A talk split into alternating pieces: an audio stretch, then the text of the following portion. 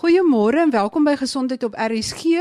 Ek gesels vandag met 'n neuroloog, Dr. Frank Lohenning, en hy is verbonde aan die Departement van Neurologie by die Universiteit van Stellenbosch en die Tygerberg Hospitaal. En ons gaan vandag gesels oor Guillain-Barré sindroom omdat dit een van die moontlike komplikasies is met die Zika virus en soos julle weet, die Zika virus is aan die gang terwyl die Olimpiese spele ook in Brasilië aan die gang is. Dokter Henning, wat is Guillain-Barré sindroom? Dis een van daai sindrome wat aan name gekoppel is omdat dit van die eerste mense is wat beskryf het, maar eintlik is dit maar net wat ons noem 'n akute inflammatoriese neuropatie. Wat beteken akut is 'n vinnige verloop, dit kom vinnig aan en progresseer vinnig. Neuropatie wat ons daarmee bedoel is dat dit die perifere senuwees in die arms en die bene aantas, ook senuwees na die borskas wand toe, so mense kan ook swakheid van asemhaling kry. Maar wat dit beteken is dat dit nie eintlik 'n siekte van die spinalkoord of die brein is nie, van die perifere senuwees. Dis hoekom ons dit 'n neuropatie noem. En die inflammatoriese deel kom daarvandaan na die primêre patologie wat ons sien is inflammasie in die senuwees wat dan hierdie senuwees beskadig en veroorsaak dit nie optimaal funksioneer nie en as gevolg van daarvan kry mens swakheid. So die swakheid ontstaan nie as gevolg van spieraantasting nie, maar eintlik die senuwees wat na die spiere gaan. So verstaan ek dit reg, dit is nie inflammasie wat met die brein of die spinaalkoord self te doen het nie.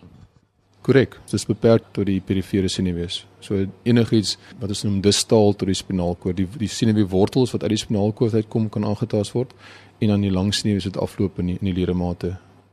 Dokter Henning, Wat is die oorsaak hiervan? Hoekom kom daar inflammasie? Guillain-Barré is 'n baie interessante siekteproses in die sinne dat dit word eintlik deur jou eie liggaam veroorsaak, maar dit word geïnisieer in omtrent 2/3 van gevalle is, is dat duidelik in die geskiedenis, maar in die ander derde is dit ook waarskynlik teenwoordig. Dit word geïnisieer deur 'n infeksie baie keer. Met ander woorde, jy kry 'n infeksie met 'n een of ander virus. Soms is jy nie eens bewus van die infeksie nie, dit kan net 'n geringe verkoue respiratoriese infeksie wees. Party mense kry dit na diarree. En wat dan gebeur jou liggaam se immuunstelsel reageer teen hierdie organisme wat die infeksie veroorsaak. Meeste van dit 'n virus soos ek sê. En hierdie immuunrespons wat teen hierdie infektiewe organisme ontstaan, kan dan agterna jou senuwees beskadig omdat 'n antigeen op die oppervlak van die organisme wat die infeksie veroorsaak ooreenstem met antigene wat op jou perifere senuwees voorkom byvoorbeeld. So dis beide is in een 'n goeie en 'n slegte respons en dit maak die organisme dood vir die infeksie veroorsaak. Maar wat dan oorbly van hierdie respons na die infeksie goed onder beheer is, teiken dan die perifere senuwees. Meeste van die tyd die laagie wat die senuwees omhul, dis nou mielinskere en breek dit af. En as jy die mielinskere afbreek, is die geleiding deur die senuwee nie soos dit moet wees nie. As jy kan vergelyk met 'n elektriese draad met 'n plastiese omhulsel buiteom, as die omhulsel afgebreek word, is daar 'n kortsluiting en geleiding van die plaas en dis presies wat gebeur met hierdie neuropatie. Kan dit herstel? In watter persentasie van gevalle herstel die persoon weer? Gelukkig die oorgrootste meerderheid van mense herstel volledig of wou miskien geringe simptome agterna oor maar funksioneel is hulle goed. So ongeveer 70% van gevalle weet ons kan weer of normaal wees of net met geringe oorblyfsel van. Daar's so 'n paar mense wat agterna 'n bietjie sukkel om te loop of kan loop nie kan hardloop nie en die absolute minderheid van gevalle is bedgebonde of stoelgebonde. Ons praat van minder as 10%. Dokter Henning, is daar 'n spesifieke groep pasiënte wat meer vatbaar is hiervoor? En kom dit onder alle ouderdomsgroepe voor of is dit meer beperk tot sekere ouderdomsgroepe? Dit kom in alle ouderdomsgroepe voor. Dit het wel 'n slegte verloop gewoonlik in ouer mense. So hoe ouer 'n persoon is, hoe, hoe groter is die kans dat hy nie so goeie uitkomste gaan hê soos 'n jonger persoon nie. Maar dit tas alle ouderdomsgroepe aan, van kinders tot toe ouderdomme. Ons weet dat mense wat immuunonderdruk is, wat wat HIV geïnfekteerd is, is meer vatbaar. Dit klink onlogies omdat dit is 'n siekte wat deur die immuunstelsel veroorsaak word. HIV onderdruk die immuunstelsel, so mense sou verwag dat daar minder immuungemedieerde siektes sou wees. Maar dis 'n bietjie oor vereenvoudiging. Eintlik mense met HIV-infeksies se immuunstelsel is nie net onderdruk nie, daar is sekere dele van die stelsel wat ooreaktief is. Ons noem dit immuundysregulasie.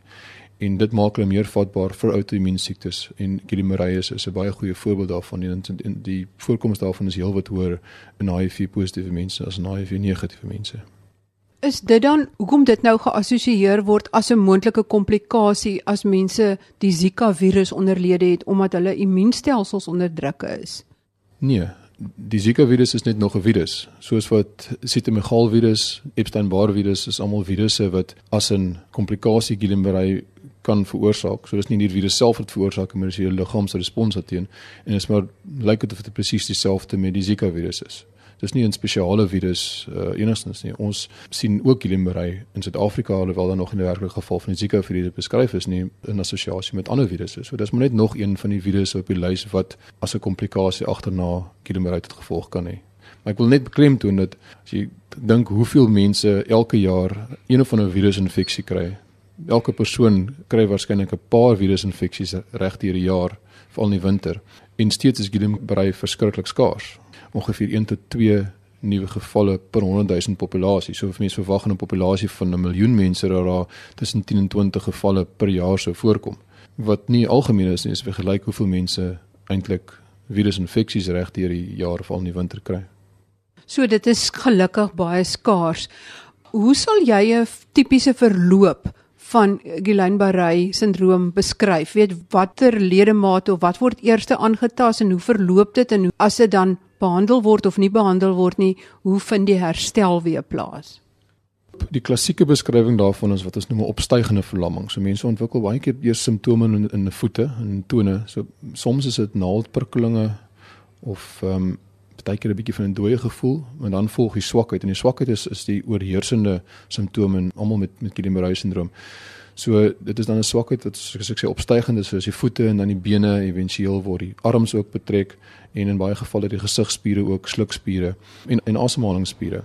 Nou hoe dit verloop na die aankoms wissel verskriklik van persoon tot persoon. Party mense sal 'n bietjie swakheid ondervind in die bene, miskien 'n bietjie in die hande, maar nog steeds mobiel bly en nie nooit op 'n punt kom dat hulle nie meer kan loop of asemhalingsondersteuning nodig het nie. Dis 'n dis 'n ligte vorm. Die ergste vorm is um, iemand van 'n ventilator afhanklik binne 2 tot 3 dae na die aankoms van die siekte. So dit daar's groot variasie in die verloop van die siekte. Die herstel is redelik verwant aan hoe erg die siekte in 'n persoon op sy ergste is. So iemand wat geringe swakheid in die voete en in die hande ondervind en niks verder se progresseer nie, sê gewoonlik binne 'n paar weke tot enkele maande terug wees by normaal. Iemand wat binne 2 tot 3 dae op 'n ventilator beland, sy herstel gaan baie langer neem as hy herstel verby 'n bedgebonde stadium dat um, weer mobiel raak kan dit tussen 6 maande en 'n jaar vat maklik. Sommige mense sal selfs sê dat hulle na 'n jaar nog geleidelik verbeter, maar die meeste van die herstels vind binne die eerste 6 tot tot 12 maande plaas. En as 'n pasiënt dit ontwikkel, hoe behandel jy dit? Is dit net ondersteunende behandeling of is daar spesifieke behandeling daarvoor? Ons sien die behandeling in basies twee belangrike of twee hoof onderafdelings. Die eerste deel is die algemene ondersteuning. Ehm um, en dit is waar mens dinge aanspreek soos byvoorbeeld dat jy kan bedsere kry omdat jy bedliggend is as gevolg van die siekte.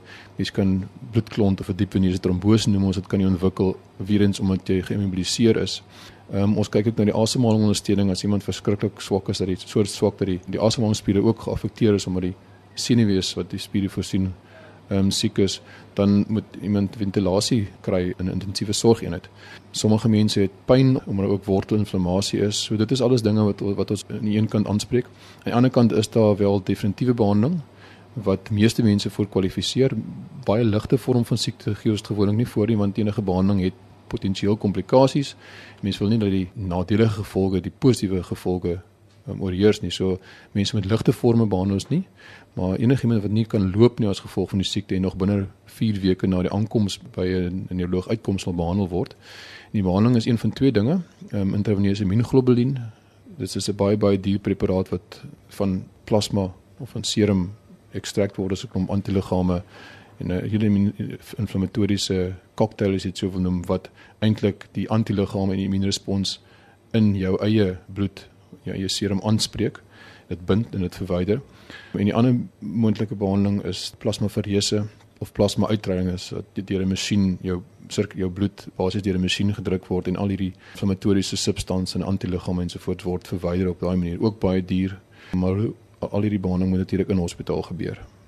Kan 'n mens wat dit eenmal gekry het, kan mense dit 'n tweede keer kry? Ja, as jy baie ongelukkig is. Kyk, ons dink dat waarom iemand Guillain-Barré ontwikkel, het moontlik tot 'n mate te doen met 'n predisposisie. 'n genetiese predisposisie sou wil neem. Dis nie 'n genetiese siekte nie. Maar sommige mense is moontlik meer vatbaar. Dit is amper enigste manier om te verduidelik waarom sekere mense die siekte ontwikkel met 'n uitbraak van een of ander infeksie en ander mense nie. As mens wel geneties gering vatbaar is, is daar effens groter kans dat dit in die toekoms kan ontwikkel maar dit is bitter bitter ongewoon dat dit sou gebeur. Ons sien wel 'n herhaling van die siekte binne die eerste paar dae of 'n week of 2 na die behandeling. En dit is maar net eenvoudig omdat die die siekte proses wat dit veroorsaak, die immuunrespons aangaan selfs na behandeling, akkumuleer weer en veroorsaak weer swakheid en die die behandeling is eenvoudig jy herhaal net wat jy die eerste keer gedoen het. So dit is wat ons noem 'n die Engelse woord is treatment related fluctuation. Met ander woorde, dit is 'n net 'n verergering omdat die omdat die behandeling uitgewerk is. Maar waarna jy verwys is meer die persoon wat dit nou ontwikkel en kan dit oor 'n paar jaar weer ontwikkel. Die antwoord is jy kan wel, maar die kans is nie baie groot nie. Dit is nie jy moet werd om enigstens daar te bekommer nie. Die aantal gevalle wat ons hier in hierdie hospitaal oor sê met die afgelope 10 jaar gesien wat dit mee gebeur het is kan op minder as twee hande getel word. Dit is baie baie skaars. Dokter Henning, as mens nou kyk na die simptome, dan dink mens dadelik aan diagnose. Hoe maak julle die diagnose? Die eerste belangrike uh, manier is natuurlik met die met die geskiedenis in die ondersoek. As dit kliniese verloop absoluut tipies is, die duidelike geskiedenis van die swakheid wat vinnig aankom oor oor 'n paar dae en met ondersoek sien ons sekere tekens soos byvoorbeeld die bekendste teken van Guillain-Barré is dat al jou reflekse verdwyn. Dan is daar min twyfel. Meeste mense sal in daai geval nog steeds 'n een of twee ekstra spesiale ondersoeke doen. Eh uh, die maklikste om te doen in ons toestand hier is is 'n uh, senuwee geleidingsondersoek. Aan ons kan die senuwee stimuleer en die geleiding toets en sekere bevindinge daarop doen dan as 'n bewys dat dit wel 'n neuropatie is eerstens, maar dit kan ek vir sê wat 'n vorm van neuropatie. Soos ek gesê vroeër genoem het, die die probleem met Guillain-Barré is in meeste gevalle dat die mielinskede afbreek en dit veroorsaak dat die senuwee baie baie stadig gelei en dit kan ons sien op die geleidingsondersoek. En 'n ander manier om dit om dit ook te bevestig wat miskien minder spesifiek is, maar in sommige plekke is dit al wat beskikbaar is, is om 'n limbalpunksie te doen en die proteïenvlak in die cerebrospinale vog te meet, want dit is gewoonlik verhoog in in 'n toestand soos Guillain-Barré syndroom. Dan 'n laaste vraag: Is mense wat aan 'n tipe auto-immuun siekte ly, is hulle meer vatbaar daarvoor of maak dit nie 'n verskil nie? Dit lyk nie of dit werklik 'n verskil maak nie. Hierdie is nie 'n tipiese outoimmuun siekte nie omdat dit eintlik deur 'n eksterne faktor geïnisieer word. So mense intuïtief dink dat dit wel 'n groot rol sou speel, maar dit lyk nie werklik so nie. Indien wel 'n kleinerige rol. Dokter Henning, as jy 'n finale boodskap het oor hierdie interessante sindroom, wat sal dit wees vir die luisteraar? Wel, ek dink die belangrike boodskap is dat alhoewel dit 'n ernstige sindroom is, dit gelukkig baie skaars is. Eerstens, so dit is nie 'n rede om byvoorbeeld reis na 'n plek soos Brasilië met 'n Zika virus enigstens af te stel nie. Die tweede belangrike punt om te maak miskien is ook dat die herstel in meeste mense baie goed is. So as jy 'n familielid het of dit self ontwikkel het of onlangs uh, hou moet. Miskien derde belangrike punt om te maak uh, wat ons nou werklik aangespreek het is daar's ook nou en dan 'n uh, berig oor immunisasies en en Guillain-Barré syndroom. En ehm um, dis werklik nie 'n rede om nie jou kinders te laat immuniseer nie. Die enigste duidelike mini uitbraak wat daar was was in heel paar dekades terug met die swine flu vaksinne in Amerika. En dis nog nooit herhaal nie en ons en ons weet met vaksinasies is daar miskien 'n ekstra 1 per miljoen populasie ekstra geval van Guillain-Barré syndroom. So die punt is is werklik nie 'n rede om nie immunisasies te gee nie. Stel jou bloot aan baie meer gevaarlike komplikasies deur dit nie te gee nie. Dit is aan die einde van ons gesprek oor Guillain-Barré syndroom en soos dokter Frank Lohenning neuroloog by die Universiteit van Stellenbosch Mediese Skool en die Tygerberg Hospitaal sê dit is 'n skaars siekte en die meeste mense herstel baie baie goed daarvan. So nie iets om te bekommerd oor te wees nie en as jy beplan om Rio toe te gaan, moenie dit kanselleer omdat jy bang is vir hierdie komplikasie nie. So dit is die goeie nuus. Ek gaan so kort opsomming gee oor wat Paulo se situasie was en dan vertel presies hoe die gebeure verloop het voor en tydens die hartoortplanting. Ek wil net sommer dadelik wegspring en sê dit gaan goed met Paulo. Sy klere is baie baie beter. Ek het hom gesien. Sy lippies is glad nie meer blou nie. Dit is pink en rooskleurig en sy ouers is baie in hulle skik. En natuurlik die belangrikste van alles, die dokters is tevrede. So kom ek vertel net vinnig vir julle wat het Paulo mekeer. Hy was 'n doodgewone gesonde seentjie wat lewendig was, rondgehardloop het en gespeel het, baie energiek tot omtrent 4 maande gelede wat hy skielik begin moeg word het. Ek het vroeg in Junie 'n gesprek gevoer met Dr Liesel Andrag, die pediatriese kardioloog wat hom behandel en sy het mooi verduidelik wat hy mekeer het, naamlik gedilateerde kardiomiopatie. Dit beteken sy linker ventrikel was dramaties vergroot en sy hart kon nie meer goed pomp nie. Deur eliminasie het hulle vasgestel dat dit waarskynlik 'n virus is, moontlik 'n griepvirus of 'n verkoue virus of een of ander virus wat hy onderlede gehad het en miskien nie eens bewus was dat hy siek was nie, wat die skade aan sy hartspier veroorsaak het. Om die waarheid te sê, 'n gesonde ventrikel, die linker ventrikel wat die bloed deur die hele liggaam moet pomp, pomp op een slag sowat 60% van die hele bloedvolume wat daarin is uit sodat daar so min as moontlik agterbly sodat dit weer kan vul en so word die bloed kragtig uit die linker ventrikel deur die liggaam gepomp. In Paulus se geval was sy linker ventrikel so swak dat dit slegs 10% van die bloed uit die hart gepomp het.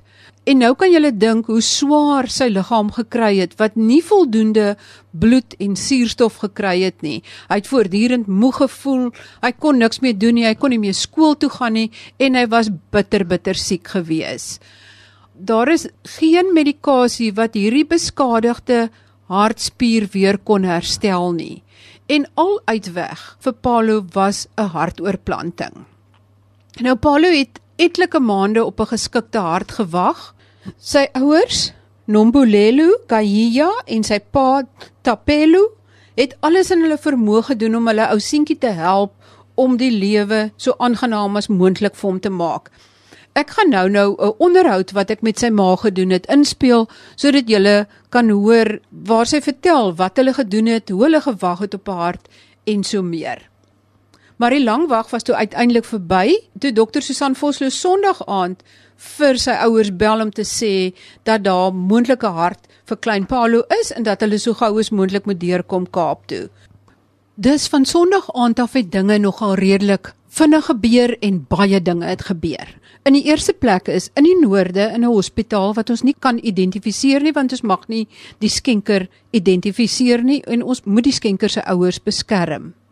In een van die hospitale in die noorde is 'n kind breindood verklaar en sy ouers het gelukkig toestemming gegee dat die kind se organe geskenk mag word. Die dokters in die noorde het toe onmiddellik begin kyk na die waglyste vir die verskillende organe en watter organe moontlik gebruik kan word. In die geval van die hart was Paulo die eerste op die lys want hy was die siekste en die weefsel van die skenker het ooreengestem met sy weefsel. So hoewel daar nog ander pasiënte op 'n hartoortplanting wag, was Paulo die aangewese een. Toe is daar geskarrel. 'n Klomp toetse is gedoen, ondersoeke is gedoen en reëlings is getref tot in die vroeë oggendure. En maandagooggend baie vroeg het die oorplantingskoördineerder van Kaapstad, dit is Alexia Michaelides en die oorplantingskoördineerder van Gauteng die finale reëlings getref en het dokter De Villiers Jonker na die hospitaal gegaan en die skenker se hart verwyder want die skenkerhart moet op 'n baie spesifieke manier verwyder word sodat dit aan die ander kant oorgeplant kan word aan die ontvanger. Dit is nie enige dokter wat dit sommer net kan uitsny nie. En dit word baie netjies gedoen en daar word ook op 'n baie spesifieke manier dit afgeklamp sodat so min as moontlik energie van die kloppende hart waar hy van klop tot stilstand gaan verlore moet gaan en sodat die skenkerhart so goed as moontlik bewaar kan word. Hy word ook in 'n baie spesifieke vloeistof bewaar en dan in 'n verkoelhouer gesit. Intussen tyd is gereël met 'n SAL vlug wat van hy lughawe in Johannesburg sou vertrek omstreeks 11:00 en die vlug het gewag sodat die oorplantingskoördineerder van Gauteng nadat dokter Jonker die hart verwyder het blitsig die hart deurgeneem het na na die lughawe toe sodat dit op die vlug kom kon. Aan Kaapstad se kant het Alexia Michaelides gewag. Uh, sy is die oorplantingskoördineerder van die Christian Barnard Hospitaal en sy het op die lughawe gewag vir hierdie houer met die skenkerhart. Die vlug sou onder normale omstandighede so wat 2 ure geduur het, maar toe is daar baie sterk aankomende lugstrome en die vlug duur langer. En dit terwyl die span in Kaapstad baie angstig wag want die minute tik verby, want 'n hart wat uit een liggaam verwyder word en in 'n ander oor liggaam oorgeplant word word op 'n spesiale manier bewaar en dit is verkieslik dat dit binne 4 en 'n half ure weer in die ontvanger se liggaam moet begin klop en daardie tyd tik toe verby. Vanaf die vliegtyg aan die ander kant opgestyg het omstreeks 11uur was daar baie woelinge in Kaapstad ook aan die gang. Paulo is kort na 11 na die teater geneem waar die narkotiseers hom begin voorberei het vir die operasie. Ongeveer 12uur se kant het Susan Vosloo bygekom uh, Paulo se borskas is oopgemaak. Hy's gekoppel aan die hartlongmasjien want onthou nou die span verwag dat die skenkerhart ongeveer 1 uur in Kaapstad sal aankom en hulle berei daarvoor voor. Die verbindings van die hartlongmasjien is aan sy hart gesit sodat die hartlongmasjien sy sirkulasie kon oorneem. Maar dit is baie belangrik om te verstaan dat die hartlongmasjien nie regtig aangeskakel kan word om sy bloedsirkulasie oor te neem alvorens die skenkerhart nie in die teater is nie. Want as daar iets verkeerd loop van die lughawe tot by die hospitaal en die skenkerhart kom iets oor, is dit moontlik dat Paulo se hart so swak is dat hy nie weer van die hartlongmasjien gespeen kan word nie. So eers as die skenkerhart in die teater is en die dokters is tevrede dat die hart sterk en reg is, word Paulo se hartlongmasjien aangeskakel sodat die hartlongmasjien sy sirkulasie kan oorneem.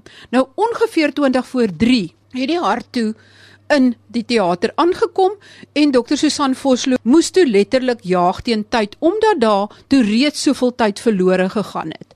Teen 20 oor 3 het sy al die hegtings voltooi alles getoets, doodseker gemaak dat alles reg is en hulle kon stadig aan begin dat die nuwe hart stadig aan, maar baie baie stadig en geleidelik die sirkulasie van die hart-long masjien begin oorneem. Kort voor 4 het die die skenkerhart op sy eie begin klop in Paulus se borskas, maar dokter Vosloo het besluit dat omdat die ischemiese tyd. Met ander woorde, die tyd wat die hart sonder suurstof was, nou 5 en 'n half ure was en nie net 4 en 'n half ure nie, het hulle 'n pasaangeer ingesit. Waar dokter Vosloo aanvanklik in die operasie om die hart in te kry en dat hy kan begin klop, moet jaag teen tyd. Moet sy nadat die hart in is en hy begin om die sirkulasie oor te neem, is die woorde wat gebruik moet word geduld. So teen kwart oor 5 se kant het sy uiteindelik die borskas toegemaak en so wat 'n uur later is Paulo na die kinderwaaksorgeenheid vir hartpasiënte gestoot. Maar hier is dele van die gesprek wat ek met Nombolelo gevoer het. Die afgelope 4 maande dink ek was vir ons die moeilikste. Dit het vir ons gelyk asof dit jare was en dis maar net maande. Sondag aand het ek ehm um, die oproep gekry van dokter Susan Vosloo af. Ehm um, want sy bel toe vir my en sê vir my ehm um, ons te hard gekry vir Paulo. Ehm um, julle moet nou dadelik Kaap toe kom.